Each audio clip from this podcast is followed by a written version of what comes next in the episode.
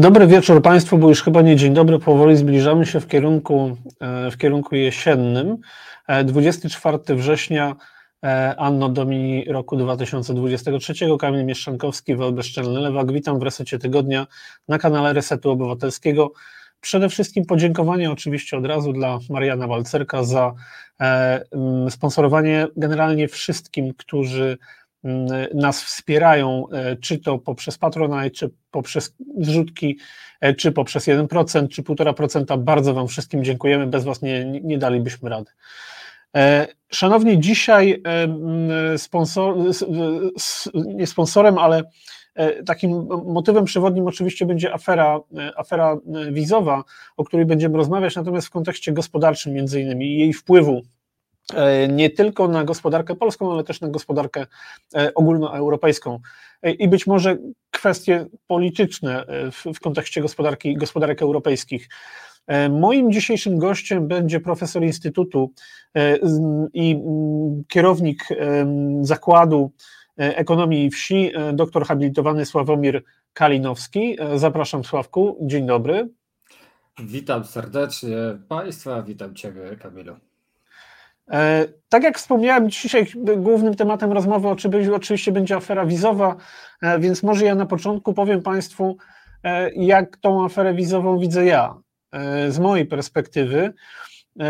Może najpierw kilka słów wprowadzenia, a potem Sławku porozmawiamy odnośnie tego, jak to się mapuje na, na, na obecną sytuację społeczno-polityczną, gospodarczą.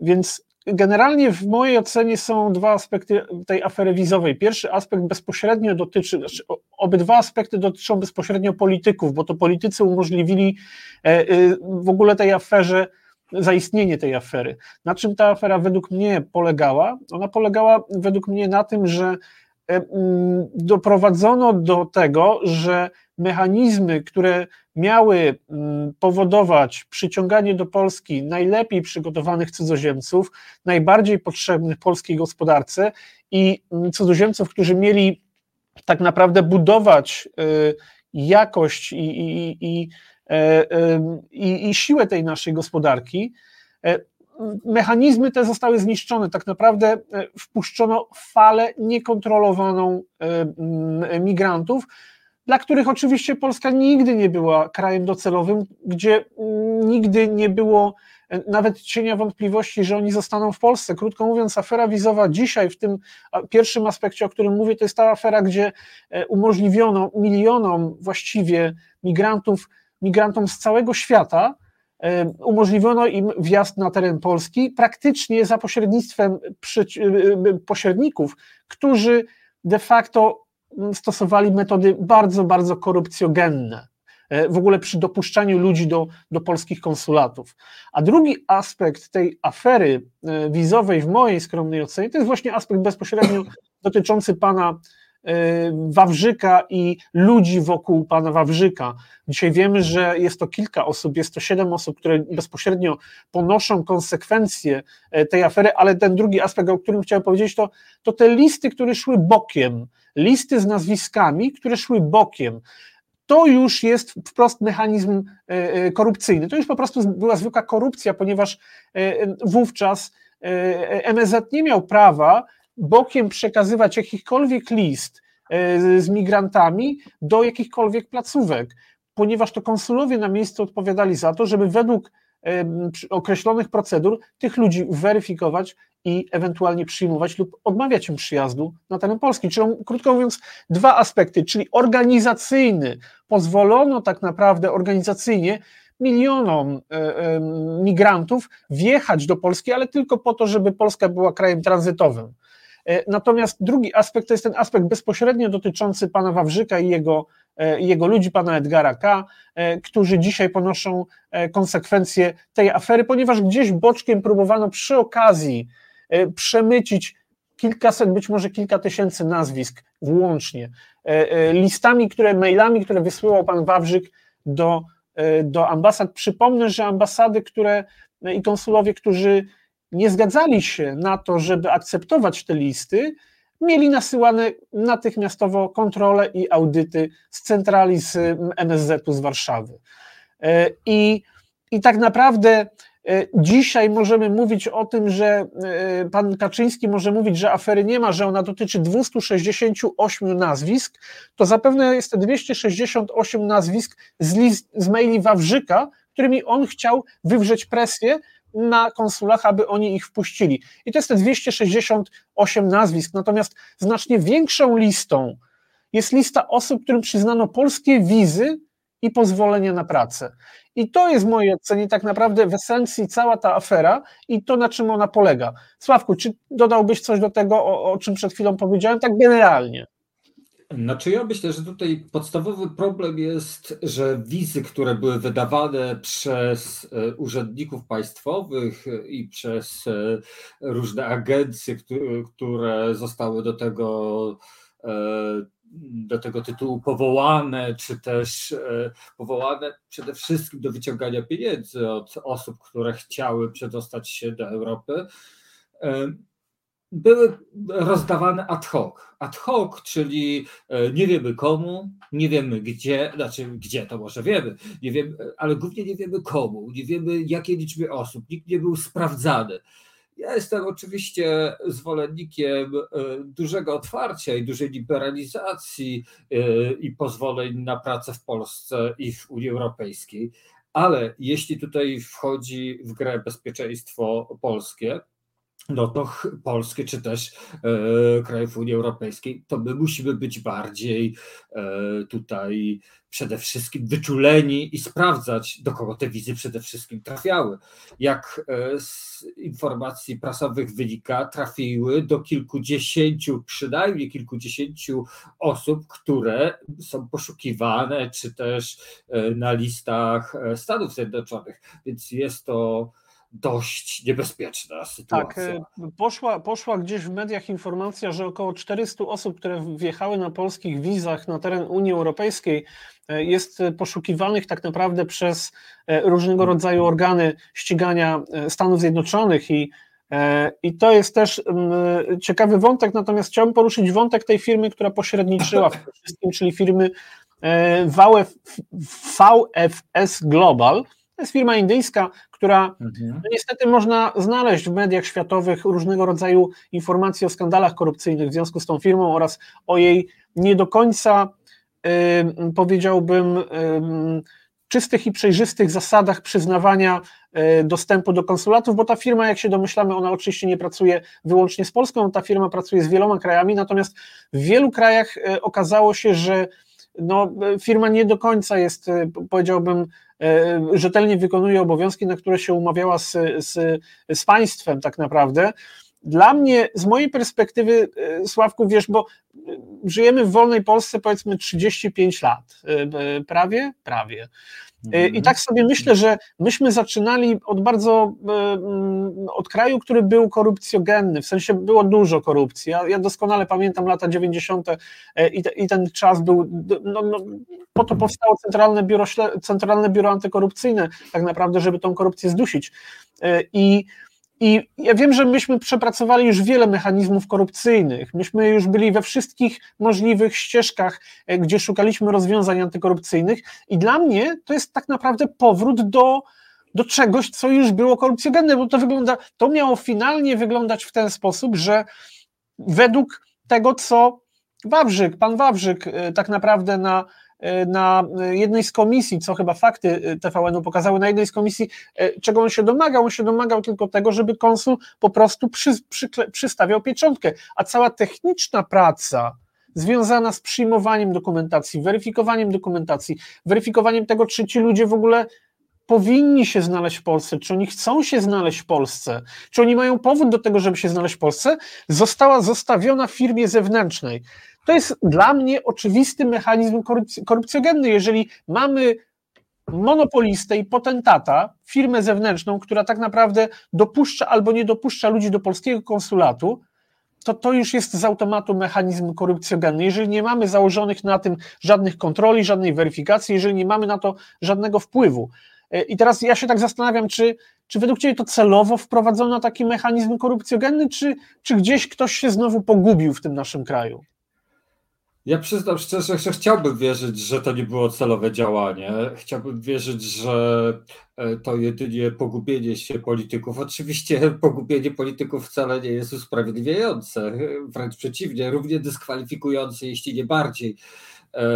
Chciałbym wierzyć w to, dlatego że myślę właśnie, że przez te lata wydawało się, że przepracowaliśmy już te, ten system korupcyjny, że gdzieś od tego odeszliśmy, że gdzieś ta sytuacja kraju rozwija się w dobrym kierunku, e, a my mm, w coraz lepszym i bardziej e, no, takim e, uczciwy sposób, my myślę, jako instytucje działają. Ale od lat się mówi o psuciu instytucji. Świętej pamięci profesor Wilkin e, o właśnie o takim psuciu instytucji na każdym poziomie mówił. No i obawiam się, że niestety e, te wizy, czy e, no to, co się wytworzyło w Ministerstwie Spraw Zagranicznych, no to jest taki jeden z symptomów psucia instytucji, czyli takiego dajemy znowu kroki do tyłu e, i cofamy się do sytuacji, którą mieliśmy e, na początku lat, e, na początku lat, kiedy budowaliśmy demokratyczną Polskę. No, jest to smutna sytuacja z mojego punktu widzenia. A mhm. jeśli dodamy do tego, że mm, agent, który wydawał wizy, jest powiązany z Białorusią i Rosją, nie jestem tego pewien, ale gdzieś to wyczytałem, no to jest to dla mnie jakiś podwójny e, upadek przede wszystkim służb specjalnych, że tego nie wykryły. A jeśli wykryły, no to jeszcze, gorzej, to jeszcze gorzej, bo to świadczyłoby, e, że, że te nasze słowa z początku audycji mają potwierdzenie.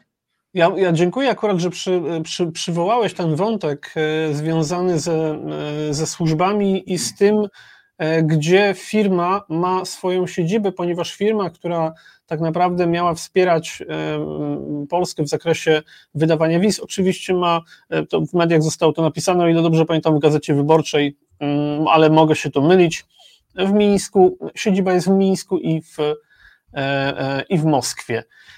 I tak sobie myślę, że mm, że tak, że polskie służby właściwie nie, nie istnieją. Polskich służb nie ma. E, polskie służby funkcjonują na zasadzie donosów. Jeżeli ktoś coś doniesie, to wtedy prawdopodobnie ktoś się czymś zajmie.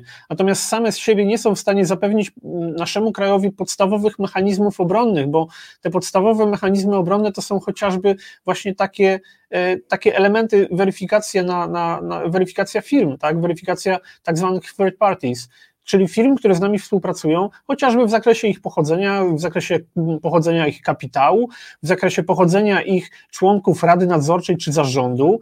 E, tu jest tak naprawdę wiele aspektów, które ni niestety powinny być weryfikowane, a nie zostały przez polskie służby. Natomiast e, ja też chciałem się Ciebie zapytać, bo było bardzo duże parcie tak naprawdę na kraje Afryki i na kraje Azji, bo o tym nawet mówił, i tutaj na, na Twoje pole chciałem trochę wkroczyć, bo była informacja podana w mediach, że minister, wicepremier Kowalczyk, dawny wicepremier, dawny, dawny minister rolnictwa, również naciskał na to, naciskał na to, żeby wydać jak najwięcej wiz właśnie e, krajom afrykańskim i azjatyckim, ponieważ będzie taka niezbędna i konieczna potrzeba w rolnictwie i w zbliżającym się sezonie rolniczym. E, I teraz tak naprawdę, jak patrzymy na to, to do tego jeszcze dochodzi oczywiście Czarnek, tak? Bo dzisiaj czy kilka dni temu posłowie Koalicji Obywatelskiej e, stwierdzili, że że mm, no, jest również awantura z y, wizami dla studentów. Generalnie chyba nasze wizy po prostu dla każdego celu były na sprzedaż. I tak samo dla rolnictwa. I teraz moje pytanie jest następujące: czy pomimo tak wielkiej, ogromnej akcji, powiedziałbym, rozdawania za darmo polskich wiz byle komu, czy polskie rolnictwo nadal boryka się z problemami y, rąk do pracy, czy niekoniecznie? Czy PiS rozwiązał ten problem? Nie, ten e, problem nie był rozwiązany nigdy i ten problem zwykle występował w okresach letnich, w okresach wakacyjnych, kiedy to rok do pracy w rolnictwie jest najwięcej potrzebnych. E, kiedyś szacowało się od 150 nawet 200 tysięcy osób potrzebnych jest w rolnictwie, ale to mówimy o kiedyś. Kiedyś, teraz z każdym rokiem rolnictwo ulega technicyzacji. Coraz mniej jest rąk potrzebnych do pracy, a coraz większe jest wyposażenie w te środki techniczne, środki produkcji, czyli maszyny, urządzenia e, i już tak wiele osób jest potrzebnych do rolnictwa to pierwsza sprawa, bo mimo, że e, tam e, w tych okresie nasilenia prac wakacyjnych, czyli mówię tutaj lipiec, sierpień, te ręce do pracy ciągle są potrzebne i ciągle e, przydałyby się osoby do pracy do rolnictwa, to nie wierzę. Większość osób, które przyjeżdża, nie, y, nie podejmuje pracy w rolnictwie. Nie oszukujmy się, nie oszukujmy się, że te osoby zatrudniane są do prac polowych, do e, nie wiem, zbierania e, czy pomocy przy zbieraniu zboża i tak dalej. Te osoby przyjeżdżają tutaj na chwilę, czasami nawet nie przyjeżdżają, od razu lecą do e, krajów tak zwanej Europy Zachodniej. A co, a co do e, studentów, ja pamiętam jak e, jeszcze jak pracowałem na uczelni, e, co roku cieszyliśmy się, że tyle osób chce złożyć papiery na studia. Ja przyznam szczerze, do głowy mi wtedy nie przychodziło, że te osoby składają wnioski o studia, wysyłają swoje aplikacje na studia ale że oni w październiku nie przychodzą. Zwykle kończyło się to. W ostatnim czasie to się zmieniło, z tego co wiem, ale kończyło się na pięciu, sześciu osobach z grupy 40 e, czy 30 osobowej. Teraz tych osób jest więcej, z tego co, co słyszałem, jednak chcą podejmować pracę, e, nie pracę, tylko studia. Ale afera wizowa odbije się rykoszetem na tych osobach. Już wśród znajomych e, nie pamiętam kto, chyba profesor Duszczyk pisał, że tak. E, jeden z jego znajomych nie może przylecieć do Warszawy, jakiś wybitna, e, wybitny specjalista, e, jak podejrzewał, od migracji, jak profesor Duszczyk, nie mógł przylecieć do, do Warszawy ze względu na, na to, że odbiło się rykoszetem afera wizowa, nie dostał wizy. Tak, bo, bo, bo u, nas niestety, u, nas niestety, wygląda to w ten sposób, że jeżeli jak gruchnie jakaś awantura albo afera, to nagle całe państwo musi się zatrzymać w swoich wszystkich działaniach, wszystkie tryby muszą przestać działać, żeby się nagle wszyscy zorientowali, co się dzieje. Dopiero potem no. są podejmowane właściwe decyzje i tak naprawdę za każdym razem tak się dzieje i wylewamy dziecko z kąpielą, tak samo jak w tym przypadku. No właśnie. Człowiek no właśnie, to... chce przyjechać, chce przyjechać, e, utalentowany, e, utytułowany, e, chce przekazywać wiedzę i tak naprawdę okazuje się, że nie ma, nie ma takiej możliwości, bo jeden z drugim urzędnikiem chcieli sobie zarobić albo wykonywali polecenia, bo też o tym będę chciał z Tobą porozmawiać. Ale no właśnie, bo to jest w przypadku tych studentów, na chwilę jeszcze wrócę, w przypadku tych studentów e, dopiero jak gdzieś te klocki w głowie sobie poukładałem, to dopiero zrozumiałem, dlaczego, dlaczego nie chcą, e, dlaczego oni chcą początkowo przyjechać na studia, a później nagle e, okazuje się, że gdzieś po drodze znikają e, z orbity uczelni. No właśnie, no, to była ta sama sytuacja wtedy.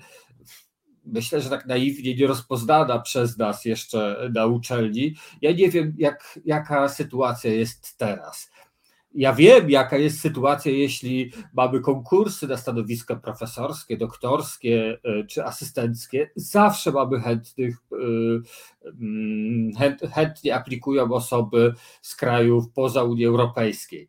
Na ile te osoby E, faktycznie chcą podjąć pracę w Polsce, a na ile ma to być tylko taki, e, taki element e, zahaczenia się w Unii Europejskiej, tego nie wiem, bo zwykle no, no, jeśli dochodzi do rozmów konkursowych, no to, no to te osoby już nie przystępują do tych rozmów z, różnych przyczyn bardzo różnych przyczyn. Zwykle to są brak możliwości bycia w tym czasie na, na rozmowie e, aplikacyjnej czy konkursowej. Mhm. Słuchaj, chciałem się ciebie teraz z kolei zapytać o, o rzecz taką bardzo oczywistą, ale być może nie dla wszystkich.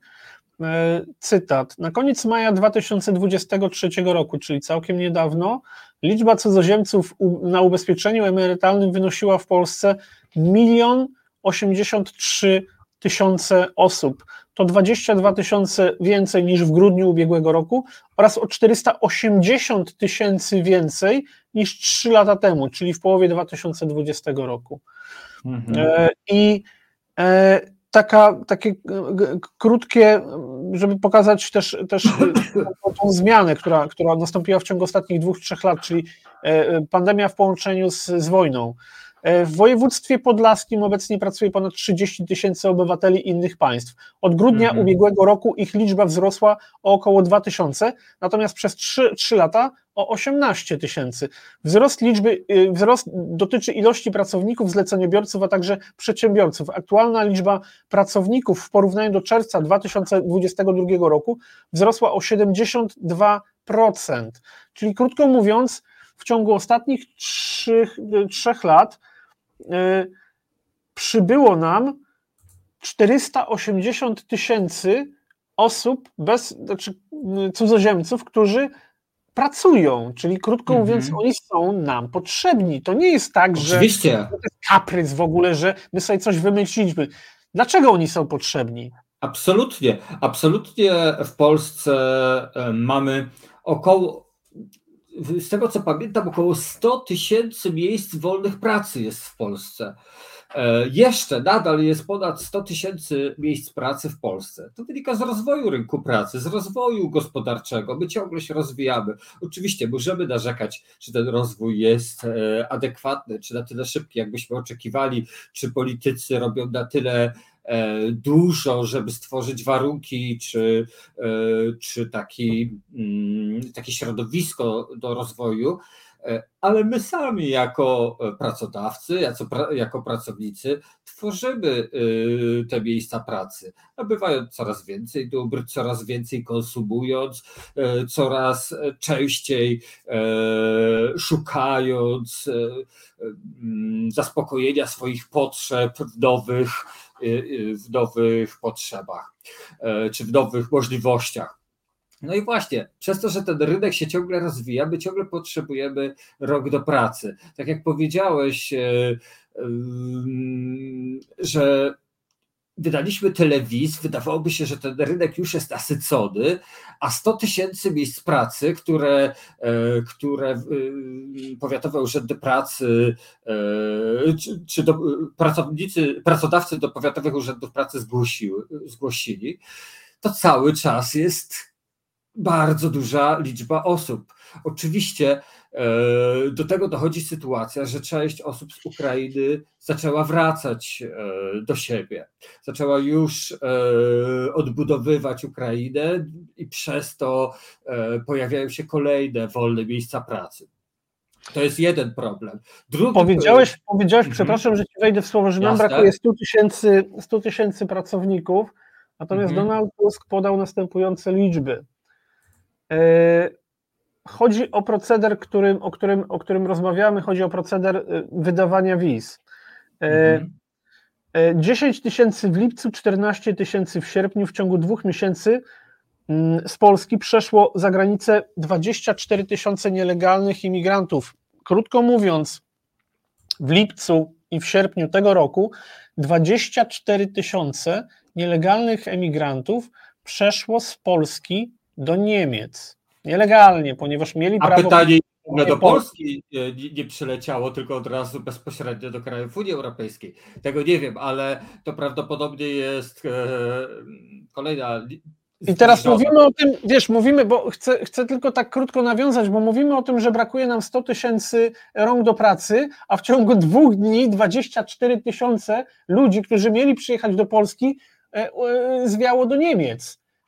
I wiesz, chcę pokazać, że Rząd PiSu doskonale wiedział, przynajmniej taka jest moja opinia, że rząd PiSu doskonale wiedział o tym, że e, ci ludzie tam pojadą, bo oni tam mają rodziny, oni tam mają no, przyjaciół i znajomych. Przecież nie w Polsce, tak? No Polska nie jest do końca przyjaznym takim i też rozwiniętym wystarczająco krajem, żebyśmy byli idealnym celem podróży.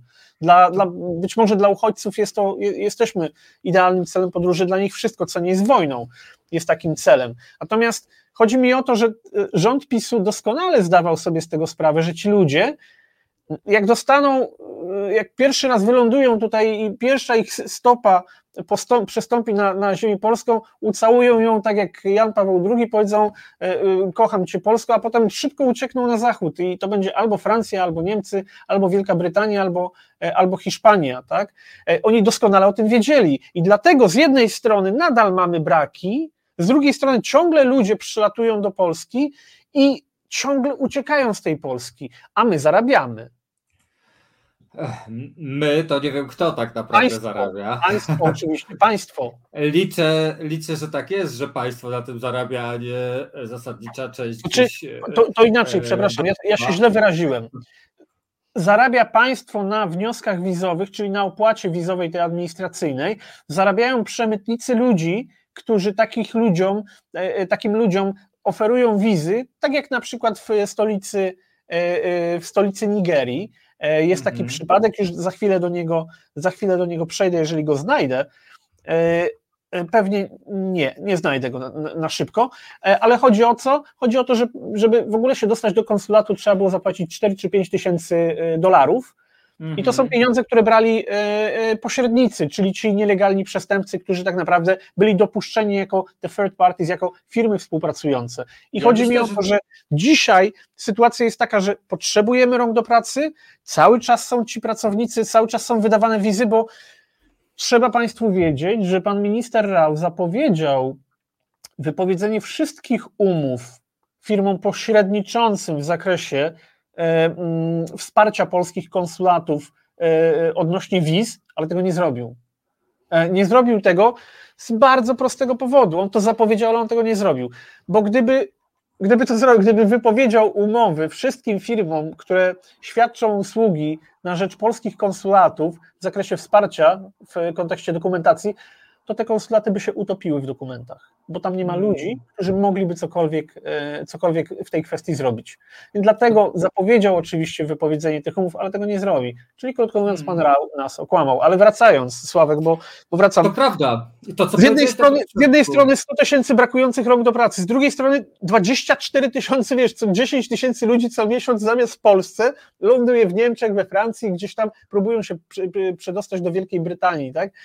To jest No właśnie, absurd. tutaj trzeba sobie odpowiedzieć na pytanie, dlaczego dlaczego tak jest. I tutaj jest kilka nawarstwiających się czy równoległych problemów. Po pierwsze, możliwości zamieszkania. W Polsce e, rynek e, e, mieszkań na wynajem, tanich mieszkań na wynajem, no jak sami wiemy, jest w bardzo płakanym stanie. Obiecane mieszkania, tanie, komunalne, możemy włożyć przegródki tam między książki. To po pierwsze. Drugie, tak jak powiedziałeś, rodziny zwykle mieszkają w Niemczech, we Francji, Wielkiej Brytanii, e, Holandii, Belgii i tak dalej, w tych krajach, więc e, jakby też nie mają te osoby motywacji, żeby zostać tu, wolą jechać e, do krajów Unii tej zachodniej, czy, powiedzmy tej, co wcześniej przystąpiły i wcześniej otworzyły swój rynek, czy swoje, swoje no, no albo, swoje zwyczajnie, albo zwyczajnie były państwami kolonialnymi, które wpuszczały. Albo też.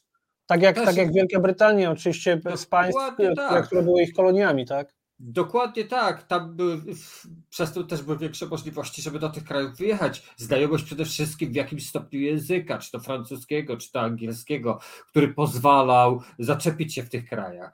Do Polski, Polska jednak przez lata y, była w jakiś sposób bardziej zamknięty na, e, na osoby e, z krajów, no, ale też no, z krajów afrykańskich czy azjatyckich, jakby też sprawa oczywista nie przyjeżdżały, bo tutaj też nie było na tyle dobrobytu, żeby, żeby chcieli no, no e, zostawać w Polsce. Był, był, był PRL, był nie było możliwości, my tak. sami nie mieliśmy możliwości rozwoju, tym bardziej nikt nie chciał do takiego kraju przyjeżdżać.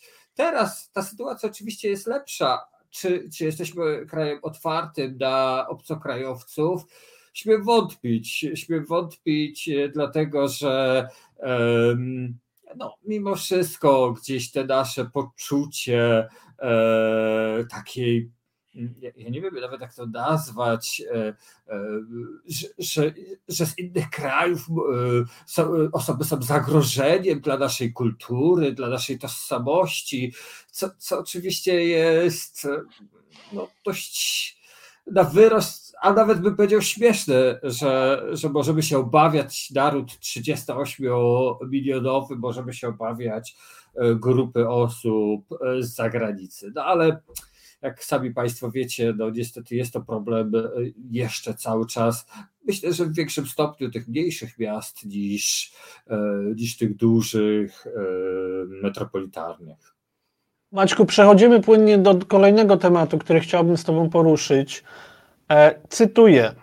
Nie chcę, żeby Polska po prostu przepuszczała migrantów dalej, mówi kanclerz Niemiec Olaf Scholz. Dzisiaj były wielokrotnie cytaty w mediach z kanclerza Scholza, który mówił o tym, że tak naprawdę e, Niemcy już chyba tak właściwie w pewnym sensie E, nasyciły się imigrantami w ciągu ostatnich, powiedziałbym, 6-7 lat na tyle dobrze, że e, teraz chyba w związku również ze wzrostem ze wzrostem antymigranckich nastrojów, chociażby Alternative für Deutschland jest tego gdzieś tam najlepszym dowodem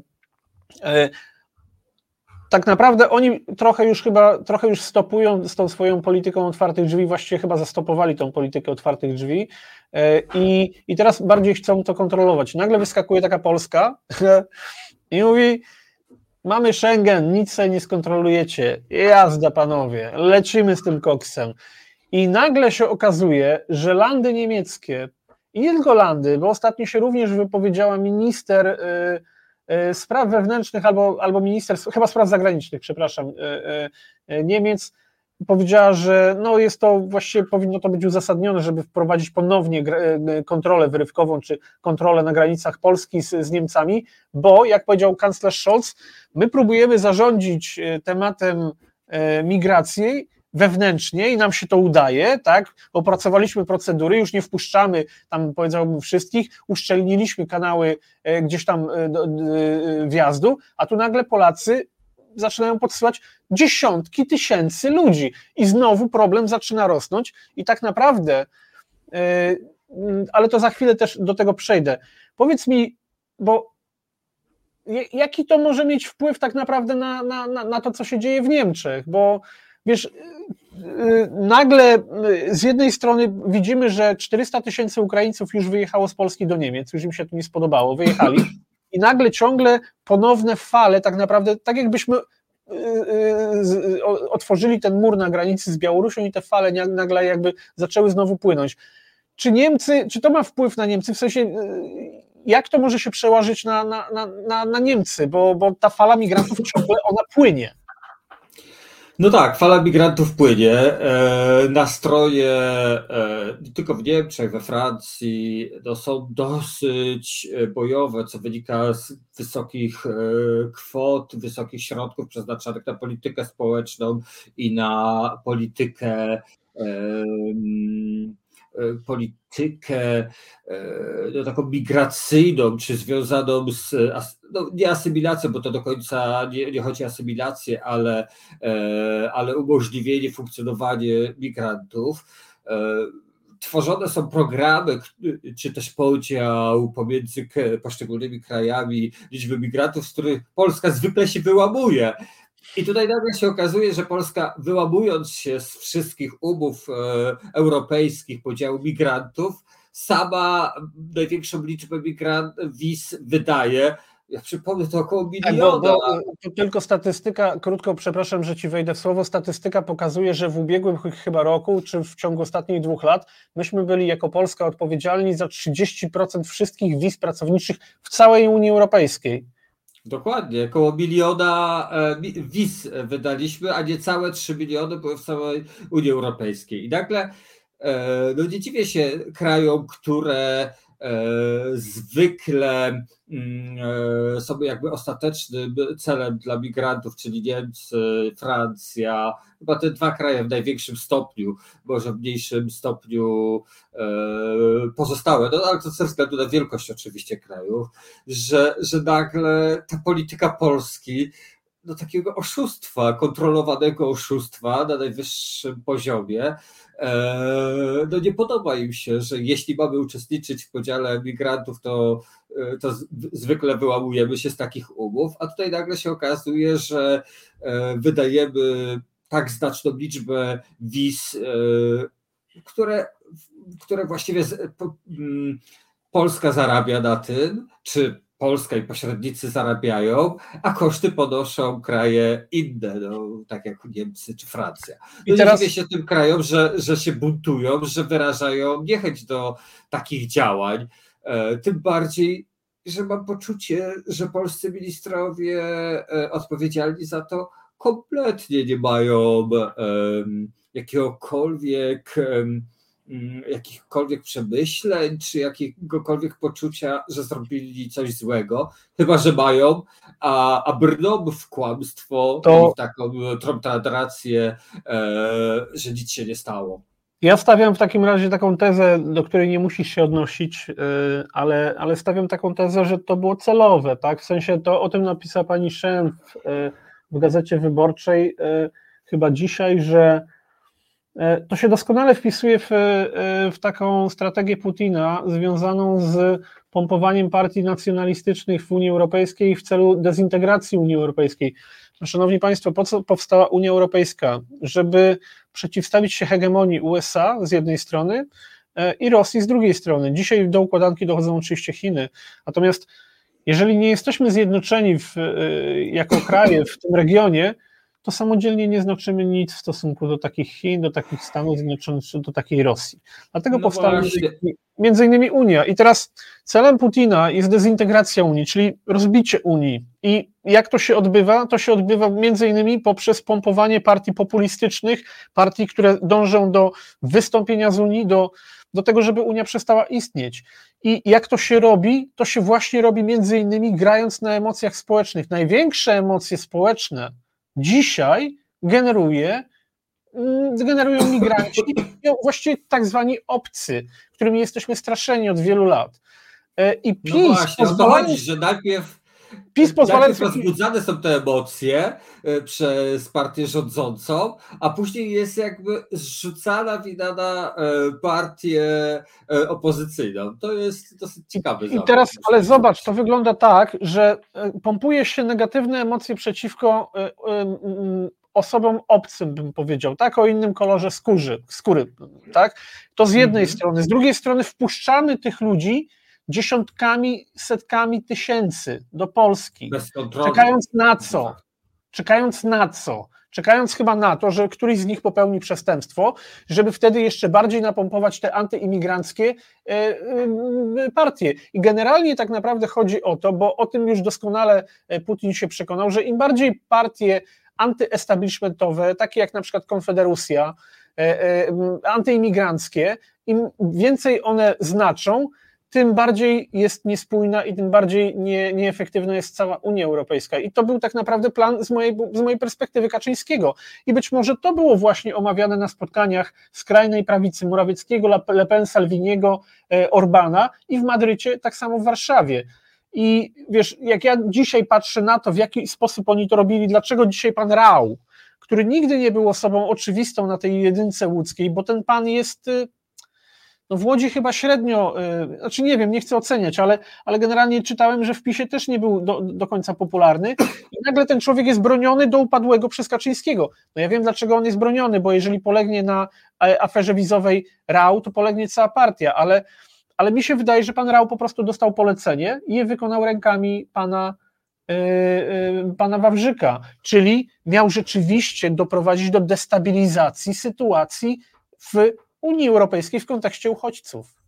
No właśnie, ja przyznam, ja nie jestem politologiem. E, to są e, pewnie e, raczej moje takie luźne domniemania. Jestem ekonomistą, czy takim socjoekonomistą i takimi sprawami się zwykle nie zajmuję, ale, ale faktycznie mam takie silne poczucie, że, że to chodziło o zdestabilizowanie sytuacji w Unii Europejskiej, żeby wywołać tę lawinę, która mogłaby E, czy, czy podważyć zasady działania, czy też może wręcz zniszczyć wprost e, Unię Europejską. Ja oczywiście nie mam podstaw e, naukowych, by, by twierdzić, że tak było, czy też nie było, ale no ale jakby wszelkie elementy składające się na te puzzle pokazują, że jest to całkiem możliwe, że to było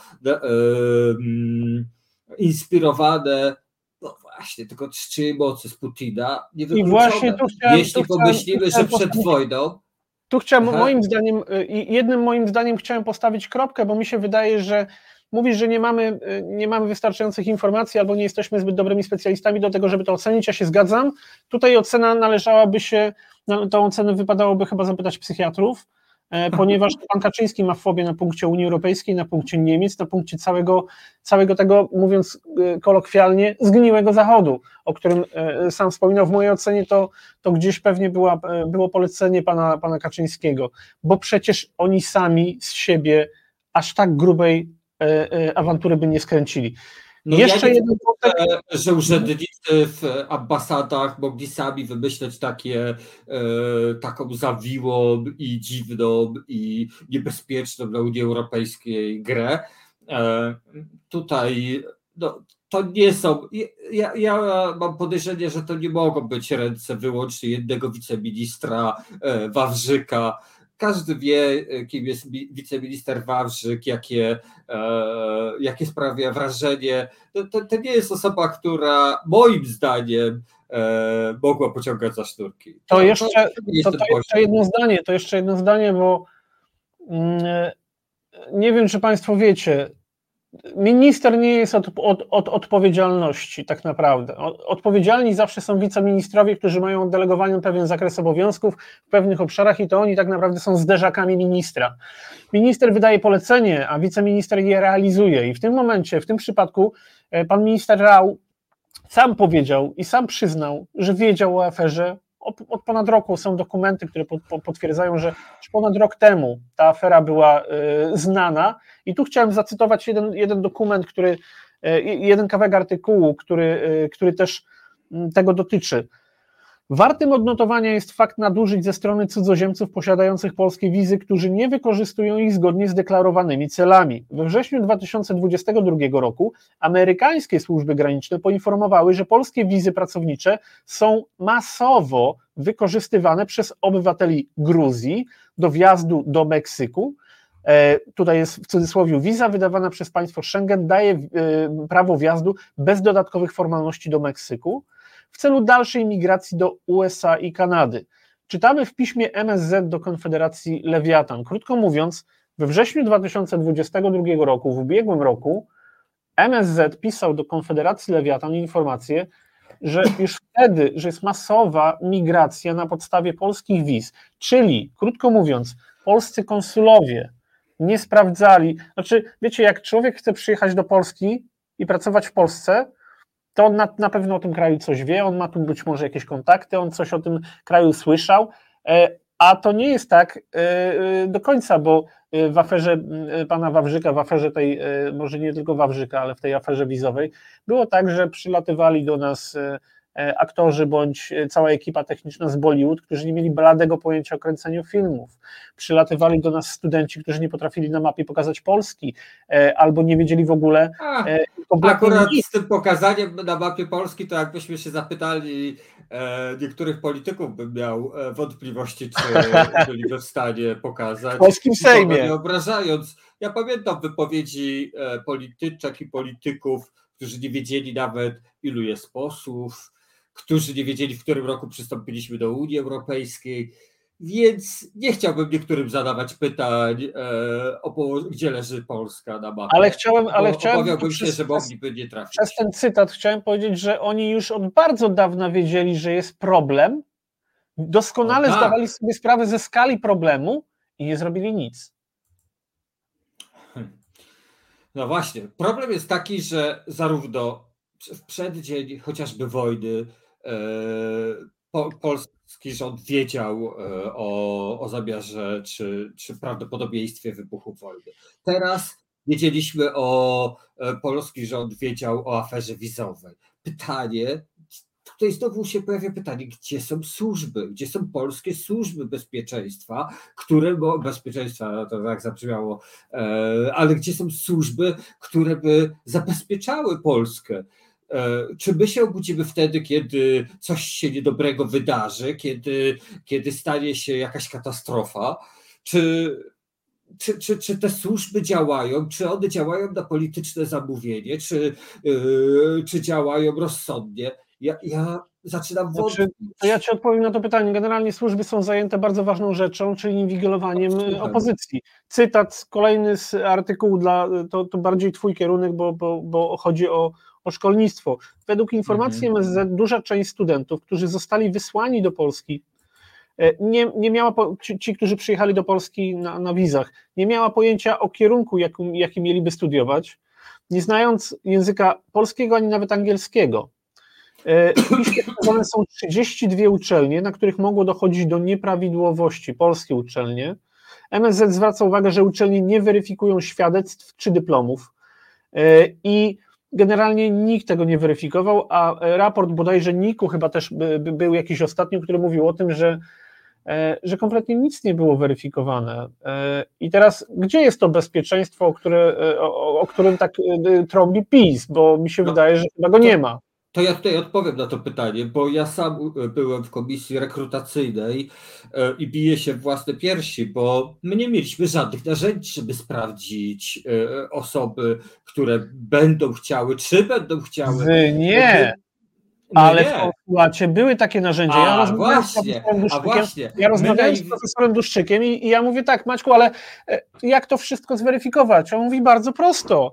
Jeżeli ktoś mówi, że ma, przyjeżdża do konsulatu w, w, w Chennai, czy w Chennai akurat nie ma konsulatu, czy w, Delhi, New Delhi, przy, przyjeżdża do konsulatu i mówi, że ma dyplom takiej i takiej uczelni, to trzeba sprawdzić na stronach internetowych, czy taka uczelnia istnieje, albo trzeba pojechać tam i no zobaczyć. Właśnie tą no szkołę, właśnie, ten gmach, jak to momencie... wygląda, żeby to fizycznie zweryfikować, żeby sobie odhaczyć.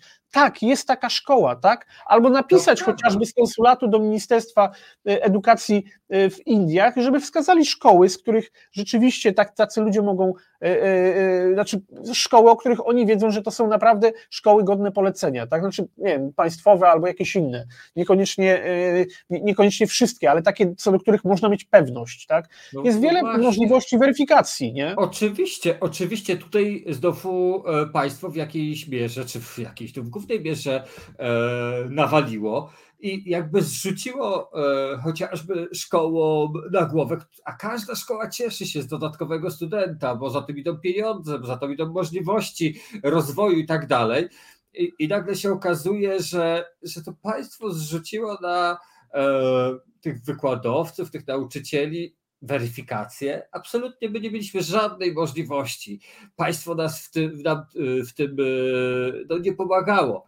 Chociaż pamiętam jakiś czas temu, e, ja ze względu na to, że dużo jeździłem po świecie z zespołem, poznawałem ludzi, bardzo często zwracano się do mnie, abym abym napisał list potwierdzający znajomość dla osoby spoza wówczas Unii Europejskiej, e, żeby miała szansę przyjechać do Polski. Przyznam, że nigdy tego nie zrobiłem w obawie, bo nigdy nie znałem na tyle tych osób, żeby, żeby potwierdzić ich E, no, no cel podróży i, i ostateczne e, zatrudnienie. Ale pamiętam sytuację miałem, że, że znajomy chciał przyjechać i wówczas ale to były inne czasy, to kto inny rządził.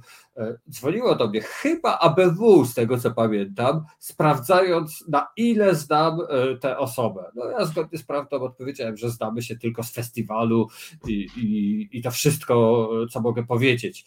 Ale jeśli, jeśli bym powiedział tak, znamy się, czy to by było wystarczające dla e, ABW? nie ma. Nie, nie e, Szczerze powiedziawszy, wcale mnie nie dziwi, że państwo zostawiło e, e, instytucje same z problemem, e, kompletnie nie zwracając na to uwagi, że nie, nie daje żadnych też narzędzi do weryfikacji. I mamy tego, mamy tego efekty, zamiast tak naprawdę pozyskiwać wartościowe jednostki, wartościowych przyszłych naukowców, którzy będą pracowali na rzecz polskiej nauki.